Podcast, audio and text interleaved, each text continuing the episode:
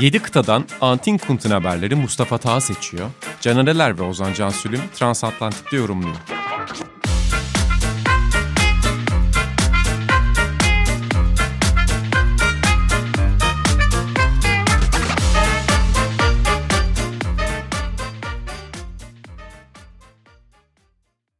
Merhaba sevgili Sokrates Podcast dinleyicileri. Transatlantik programımıza hoş geldiniz. Mustafa Taha, Ozan Cansülüm, Washington DC muhabirimiz. Fenerbahçe Kalamış muhabirimiz Mustafa Taha ve ben Deniz Karamügümrük'ten Canereler. Bu hafta sizlere Premier Lig transferlerini konuşacağız. Castrol Magnetek'in katkılarıyla beraber bu programı hazırlıyoruz sizlere bu özel bölümde özellikle.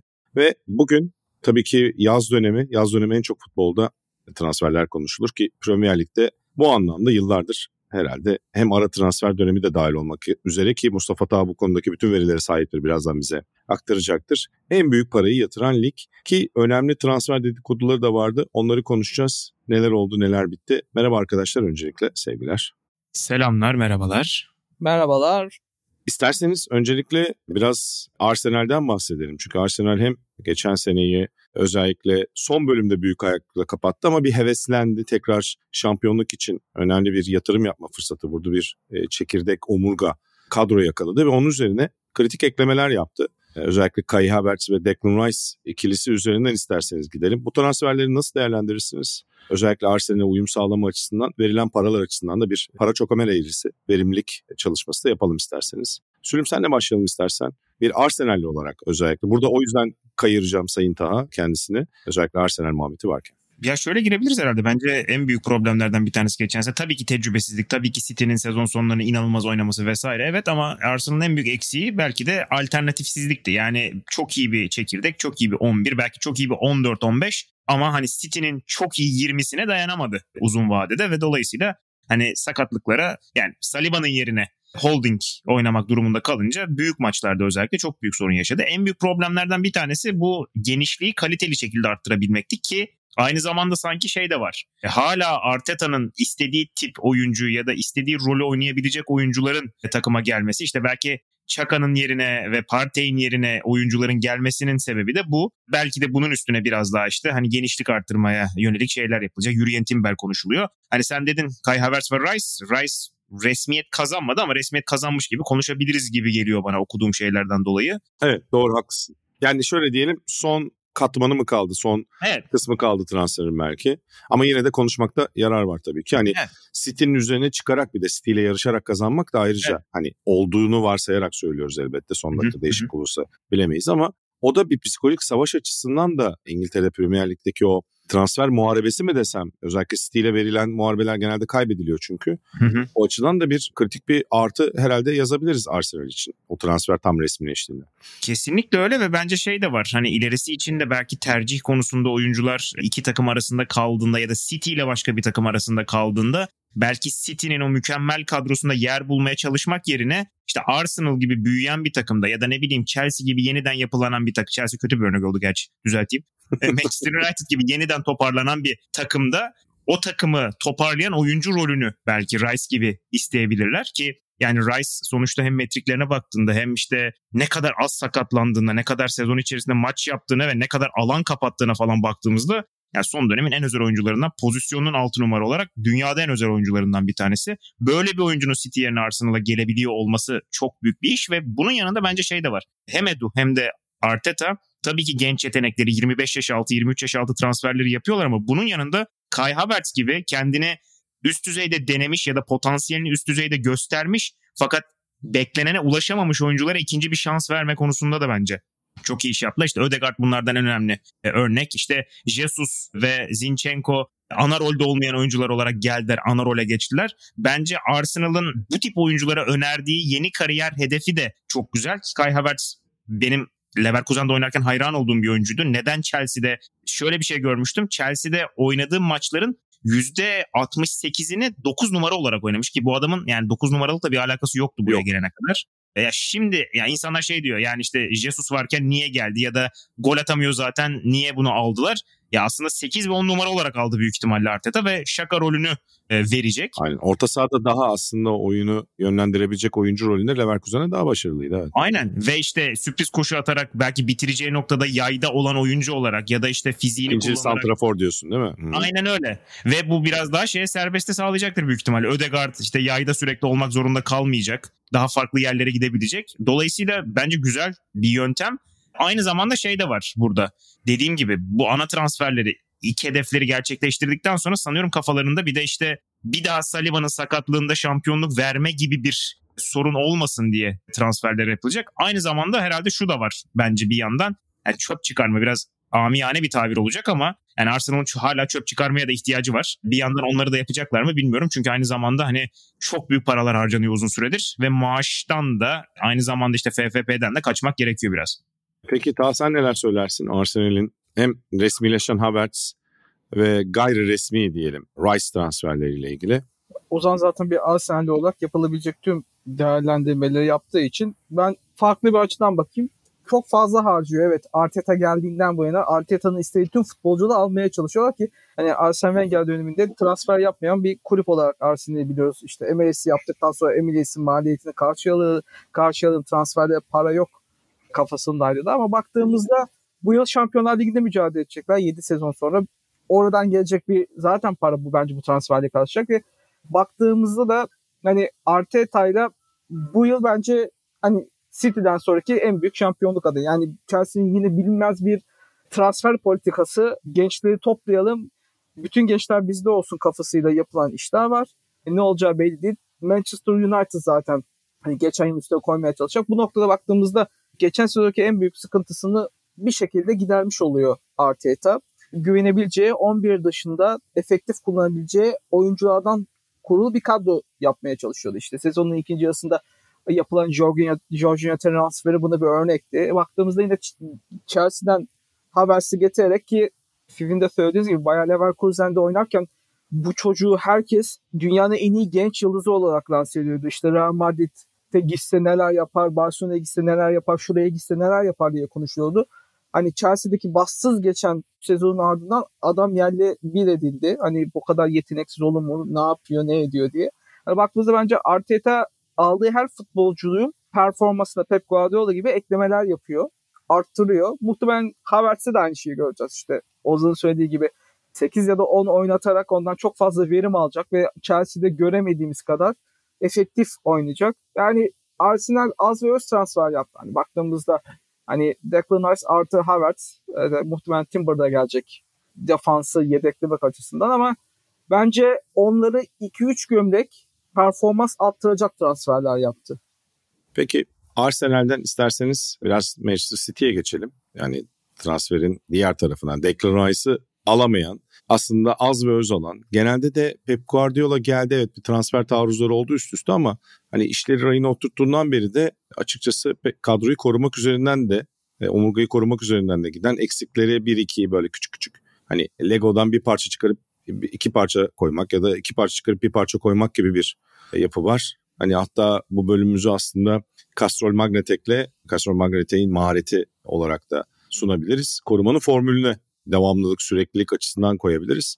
Yani City belki çok parası var. Dünyanın en fazla para harcayabilecek, istediği belki de oyuncuyu alabilmek için para harcayabilecek takımı. Evet başta çok para harcadı. Hatta yani yıllardır çok para harcıyor.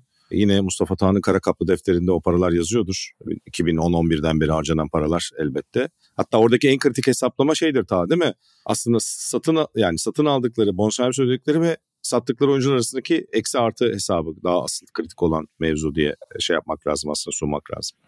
Hatta şunu söylemek gerekiyor. Yanlış hatırlamıyorsam Abu Dhabi sermayesine geçtiğinden beri iki yani net 2 milyar doları geçen bir harcaması var. Fakat Pep Guardiola geldiğinden bu yana Manchester City'nin transfer yaptığı transferden ve sattığı oyunculardan yaptığı net getiri daha fazla. Yani Guardiola ile Yani bile var.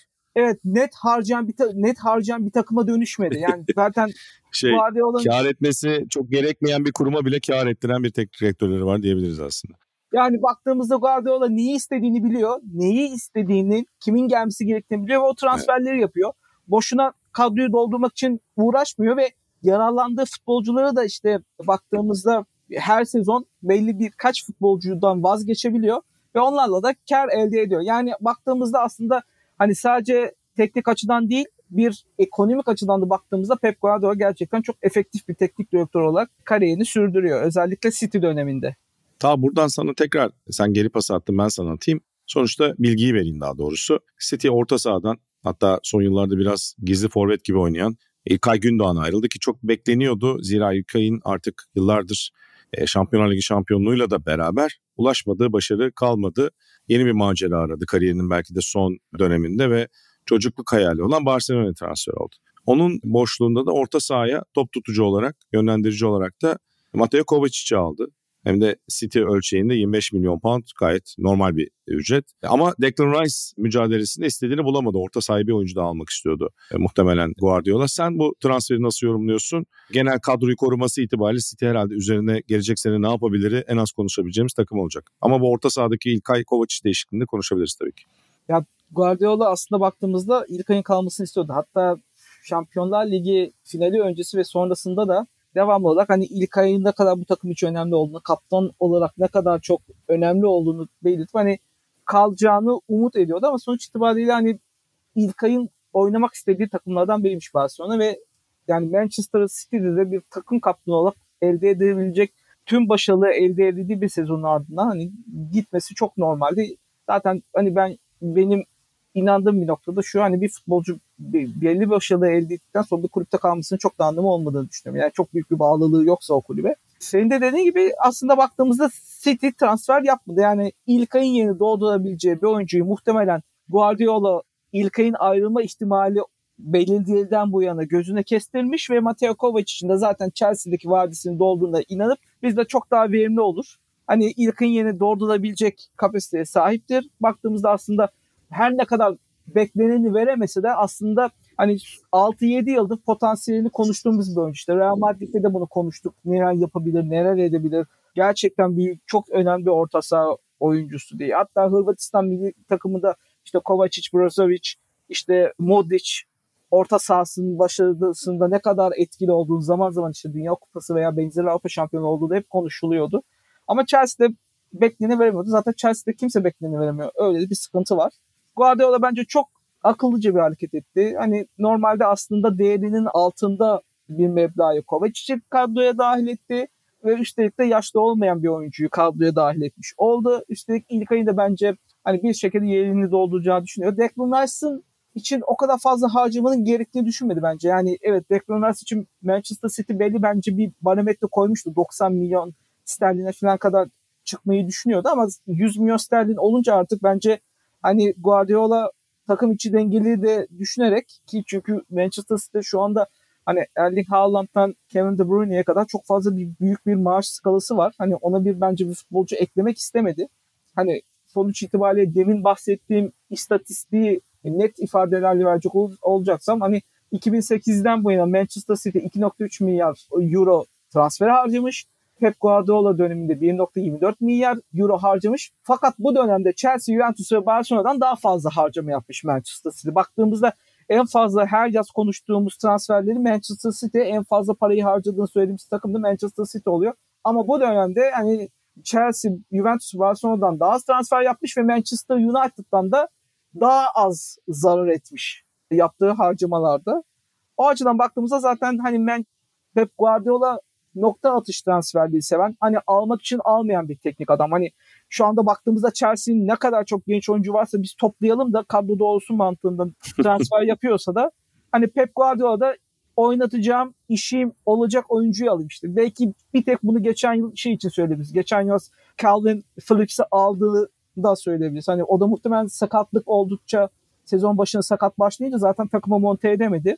Hani Calvin Phillips dışında 7 yılına baktığımızda hiç Guardiola'nın hani boş transfer yaptığını ya da verim alamadığı transferde olmadığını düşünürsek hani verim alabileceğini düşündüğü oyuncu Kovacic'ten o da trans takıma dahil etti. Hani Declan Rice da hani bence City için çok fazla lüks olurdu 100 milyon sterlin verip onu da tercih etmedi. Peki genelde son yıllarda çok harcayan yani şehrin diğer yakası kadar zengin olmadan çok harcayan diyeyim. Manchester United'a gidelim. Bu sene biraz daha kritik bir ekleme yaptılar Mason Mount'la. Hani Chelsea biraz kadroyu renovasyon çalışmasına gidince Mason Mount'taki yani Chelsea'nin ilk bu gençlik enerjisi işte Şampiyonlar Ligi şampiyonluğunu aldığı dönemde de takımın gelecekteki işte 10 yılına imza atacak oyuncu denirken vazgeçilen oyunculardan biri oldu aslında. O da enteresan bir hikaye. Ve Mount Londra'dan Manchester'a gidiyor. Önemli bir ekleme. Üstüne üstlük David De Gea gibi Ferguson döneminde gelip de kaleyi teslim alan dünyanın son 10 yıldaki en iyi kalecilerinden biriyle de yollarını ayırıyor. United'da kritik bir değişim. Onu nasıl yorumlarsınız? Sülüm senle başlayalım. United'da sonuçta Mason Mount eklemesi herhalde bu yaz döneminin en kritik transferlerinden biri. Öyle özellikle mesela işte Zabitser'in kalmadığı senaryoda ve Eriksen'in de baktığımızda belki zaman zaman çok iyi performans çıkardı ama hani fiziksel anlamda bazen zayıf kaldığı özellikle de oynadığı pozisyonun gereklerini düşünecek olursak mesela Casemiro'ya biraz mecbur kalmasının sebeplerinden biri hani Eriksen'in durumuydu. Hem Mount biraz daha çok yönlülük sağlıyor belki. İşte sol önde de oynamıştı. Lampard özellikle sol önde çok oynatmadı. Ya da işte forvet arkası 10 numara sağda solda ama belki Eriksen rolünde oynatmayı düşünüyor onu. Erik Ten Hag. Bununla beraber bence şey çok büyük problem. Şimdi zaten Manchester United'ın geçtiğimiz sezonda çözemediği bir en uç bir 9 numara problemi vardı ki bunu işte Wood ve Horst'ta çözmeye çalıştılar.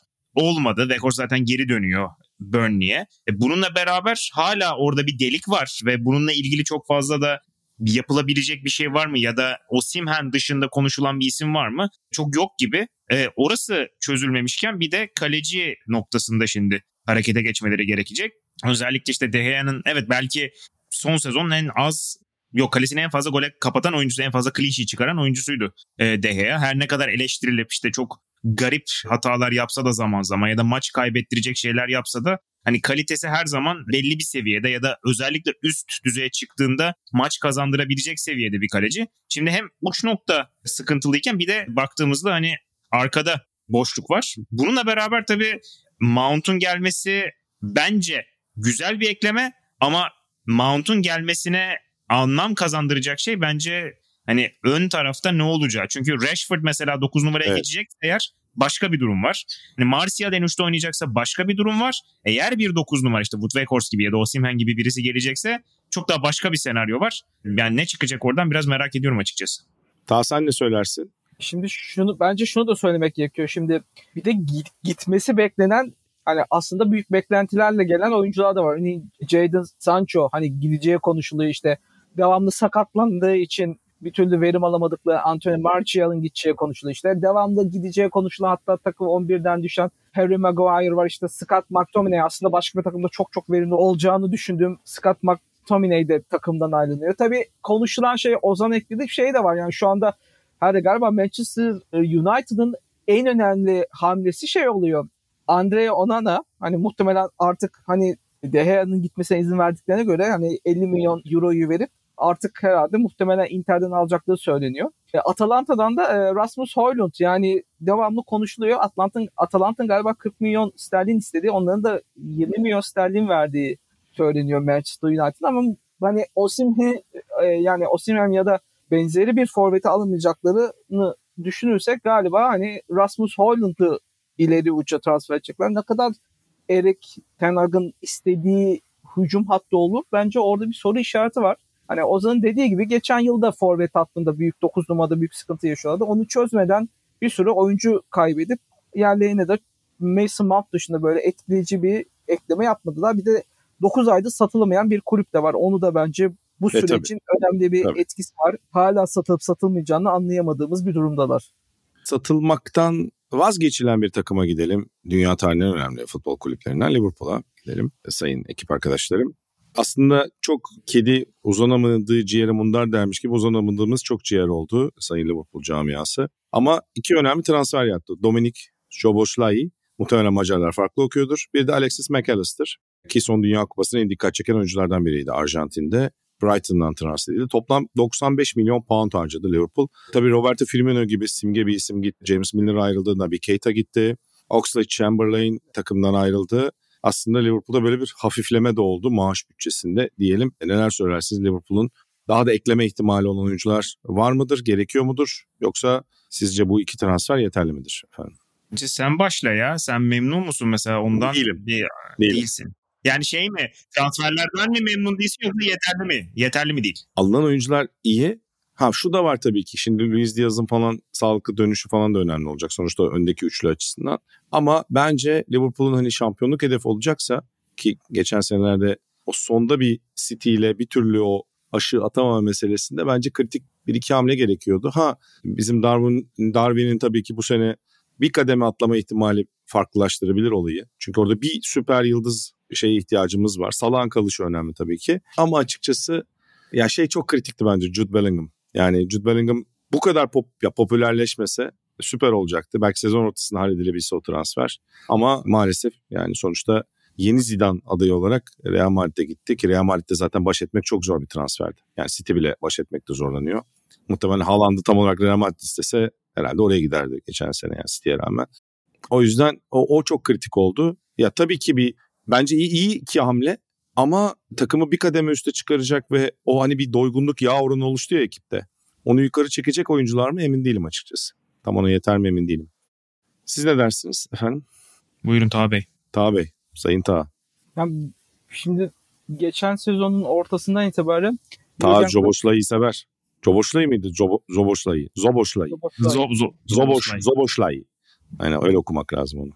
Yani geçen sezon ortasından itibaren zaten Jürgen Klopp hani takımın yenilenmesi gerektiğini, orta sahanın hani yetersiz olduğunu üstü kapalı konuşuyordu. Takımın yaşlandığını konuşuyordu ki hani bu sezon baktığımızda takımdaki aslında hem maaş yükü hem de yaş ortalaması açısından gere, gerekli olmayan oyunculardan kurtuldu. Yani bunu söyleyebiliriz. Çoğu her ne kadar sözleşmesinin bitmesiyle sona erse de örneğin Doğru.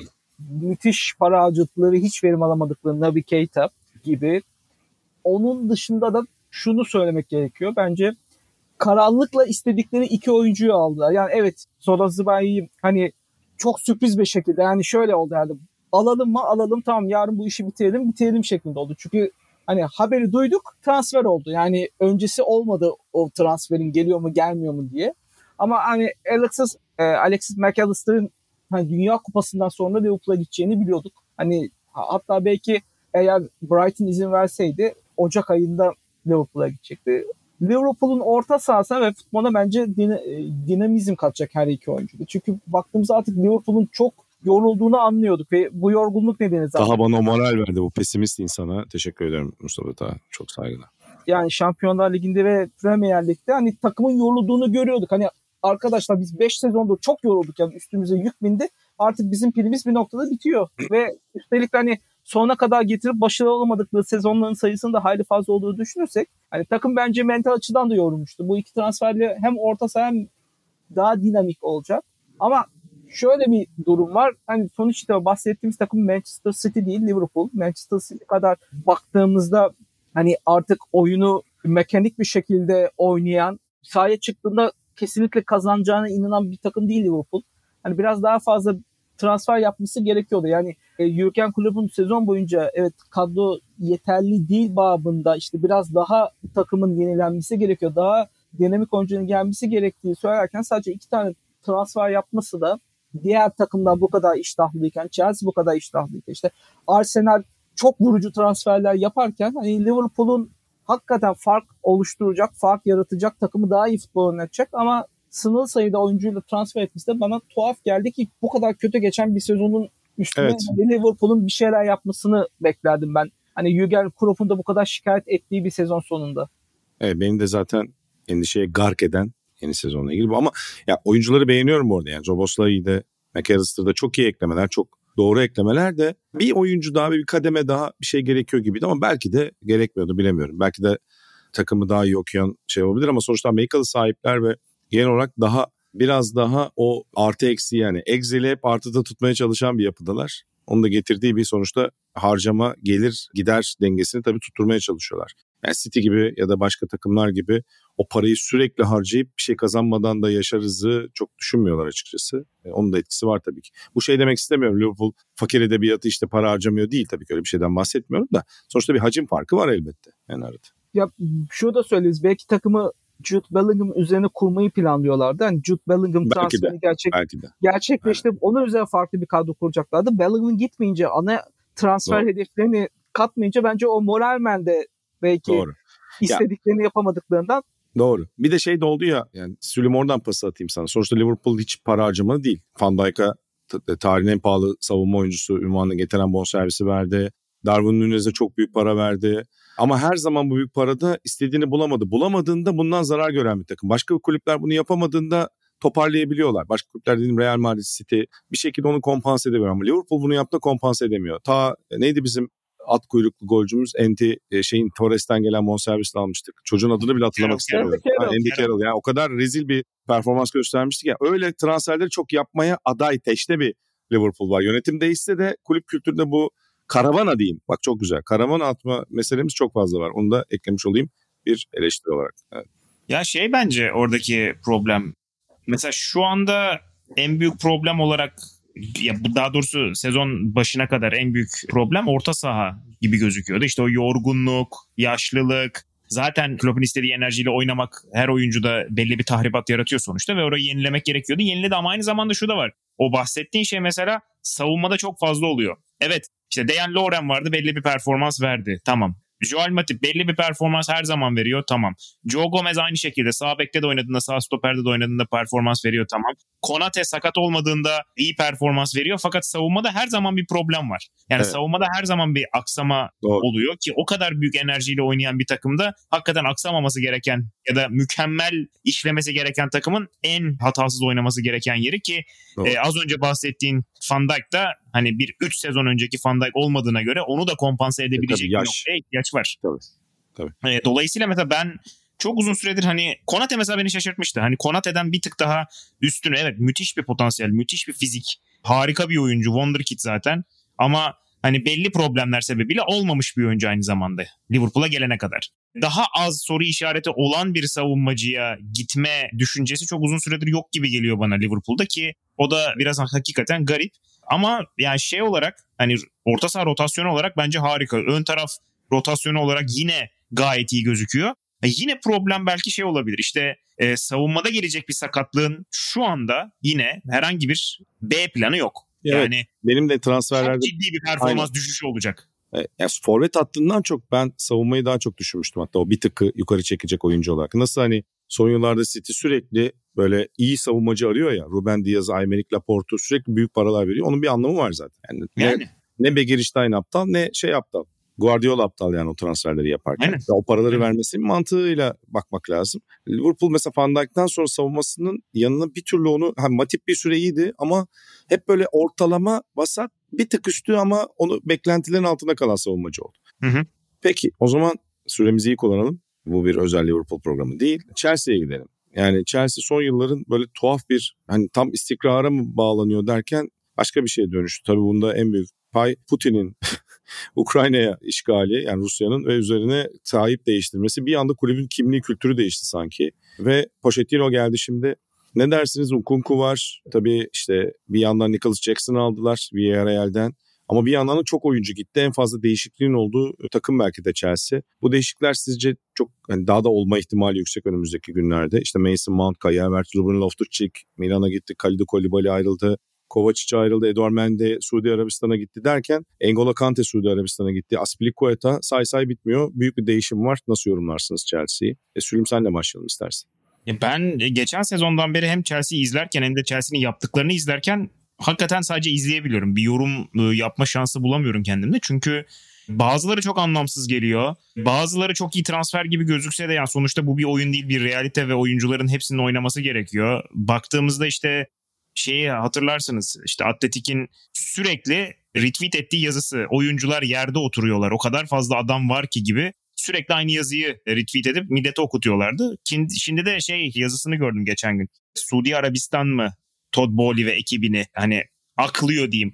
Suudi Arabistan işte Chelsea üzerinden para aklıyor olabilir mi minvalli bir yazı vardı. Yani yapılan şeyler hep böyle ya sadece futbolla alakalı olamaz benzeri bir yoruma doğru gidiyor. Çünkü Nicholas başka Jackson bir başka bir patern ve motivasyon var gibi, motif var. Evet gibi. ve şey gibi yani şimdi bu kadar fazla oyuncudan çıkmak bu kadar fazla aynı tip oyuncu işte genç, dinamik, atlet vesaire oyuncuyu almak ve bunları yapmaya da devam etmek. Mesela yaz transfer döneminden sonra Nicholas Jackson'ın niye Chelsea'ye geldiğini ben henüz çözemedim.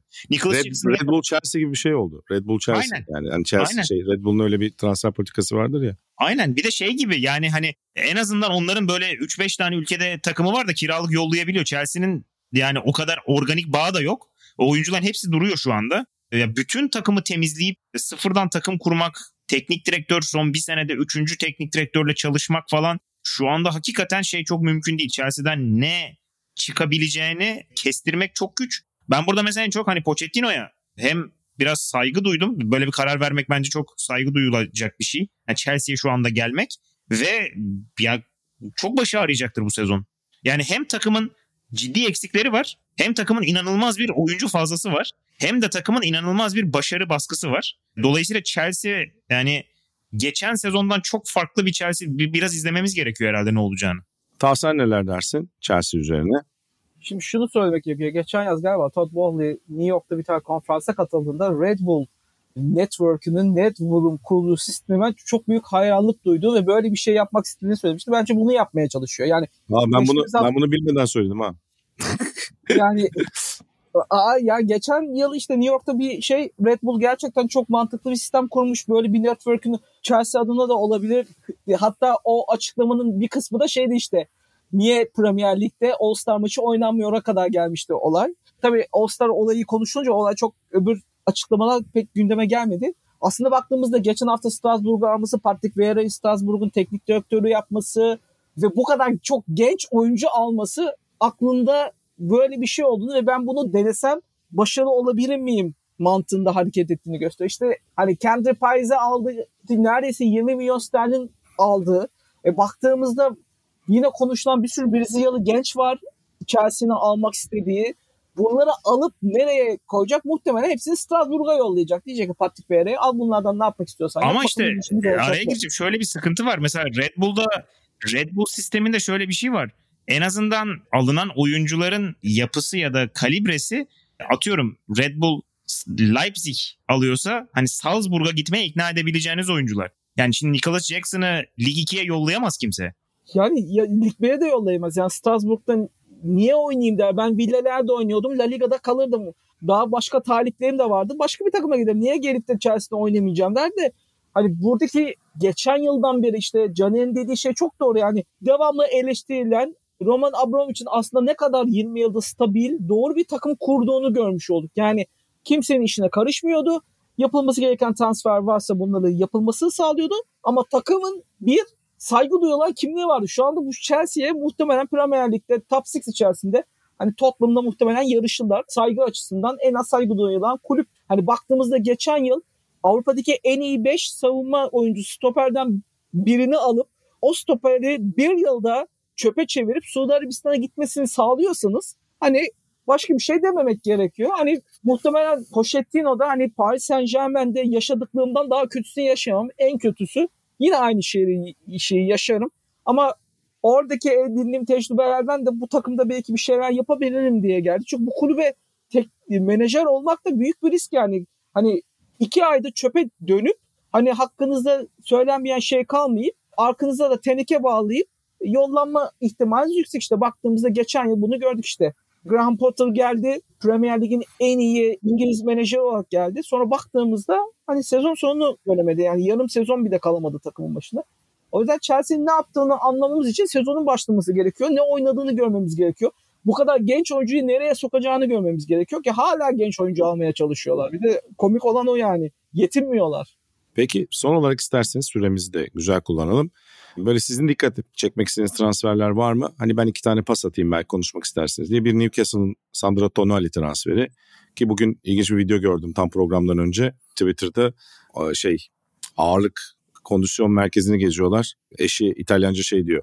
Burası Milan'ınkinden daha küçük. Evet Milan'daki daha büyüktü diyor. Sonra Milan'ın fotoğrafta çıkmış hakikaten 3 katı falan.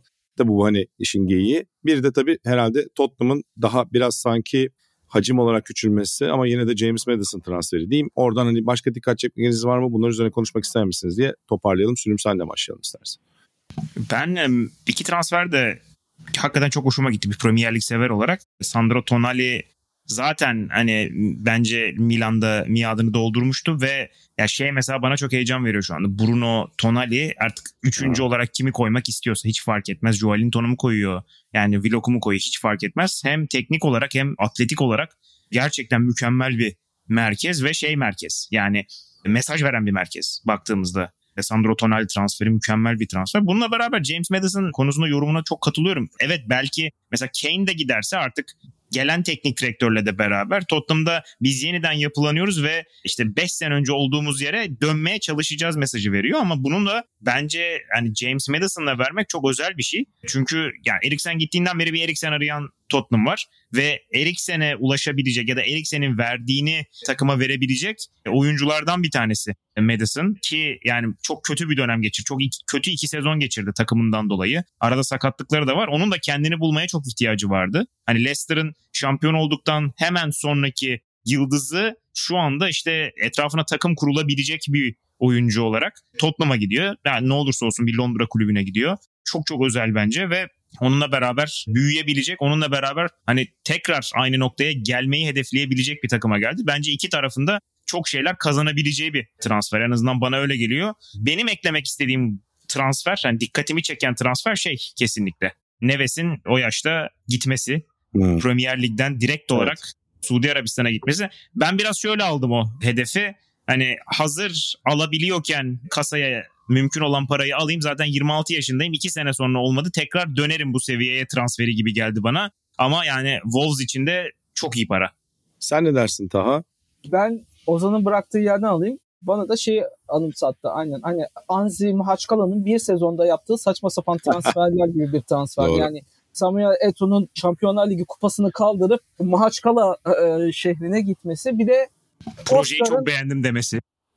Müthiş bir. Ha bir de o zaman şeymiş ya Moskova'da yaşıyorlar maç için uçakla özel uçakla gidip geliyorlar falan. Antrenman için öyle tuhaf yani. Bir de Oscar'ın Chelsea'den en verimli döneminde Çin'e gitmesi ve hala Çin'de oynuyor. O, onu çok takdir ediyorum. Yani Çin futbolu rağmen, İstikrarlı diyorsun. Yani dönmedi işte. Geçen gün geçenlerde açıklama yapmıştı işte Chelsea'de tekrar oynamak isterim de ki hala yanlış hatırlamıyorsam 31 yaşındaya baktığımızda hani verimli olabilecek bir yaşta. Ben Tonali'nin hani babasının hani fanatik bir Milanlı olup ve bütün Milan taraftarının Francesco Totti gibi kariyerin sonuna kadar gelen tüm teklif, teklifleri reddedip kalmasını umması ve bu hayal kırıklığını yaşadığını okumuştum da orada bir sıkıntı şu. Hani satan bunu Milan. Sonuçta muhtemelen Tonali Milan'da kalsaydı abi niye beni satmadınız demeyecekti. Hani Milan'ın satmasıyla gitmek durumunda kaldı. Çok da iyi bir galiba yıllık 8 milyon sterlin alacak. Diğer taraftan ben bu yılın en keyifli takımlarından birinin Tottenham olacağını düşünüyorum. Çünkü üzerinde hiçbir baskı olmayacak. Baktığımızda muhtemelen Bayern Münih bence sonun, sonunda yani gelecek sezon sözleşmesi bitecek Harry Kane için hani 80 90 milyon euroya kadar falan çıkarsa bence Tottenham satacak. Çünkü bedava gitmesini istemiyor. Aynı Paris Saint Germain'in Mbappe'nin ya bizimle ölüsün ya da gider seni satarak yollarız mantığında gibi. Geçen gün galiba Graham Taylor'ın Daily Mirror'da bir yazısı vardı. Ange Postacı olduğu için işte hani bu Avustralya bizim Avustralya'nın e, Pep Guardiola'sı aslında baktığımızda kimse onu takdir etmiyor ama hani Celtic dağılmış bir Celtic'i toplayıp belli bir noktaya getirdi.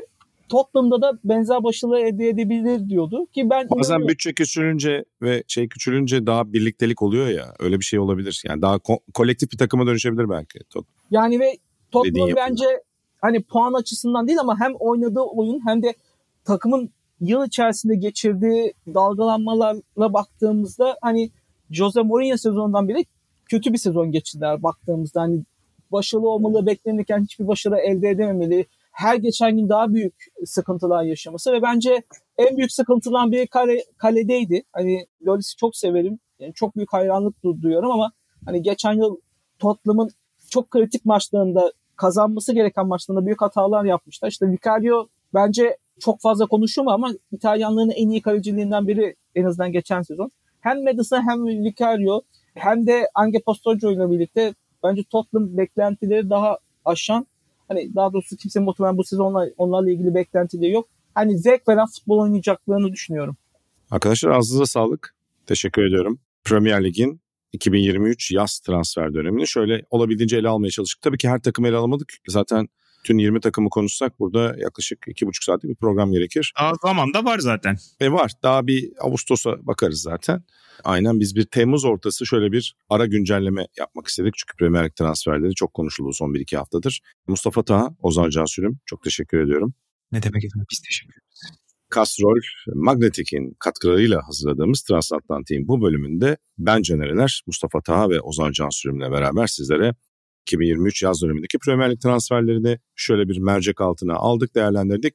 Transatlantik'in bir başka bölümünde daha görüşmek üzere. Şimdilik hoşçakalın. Hoşçakalın. Hoşçakalın.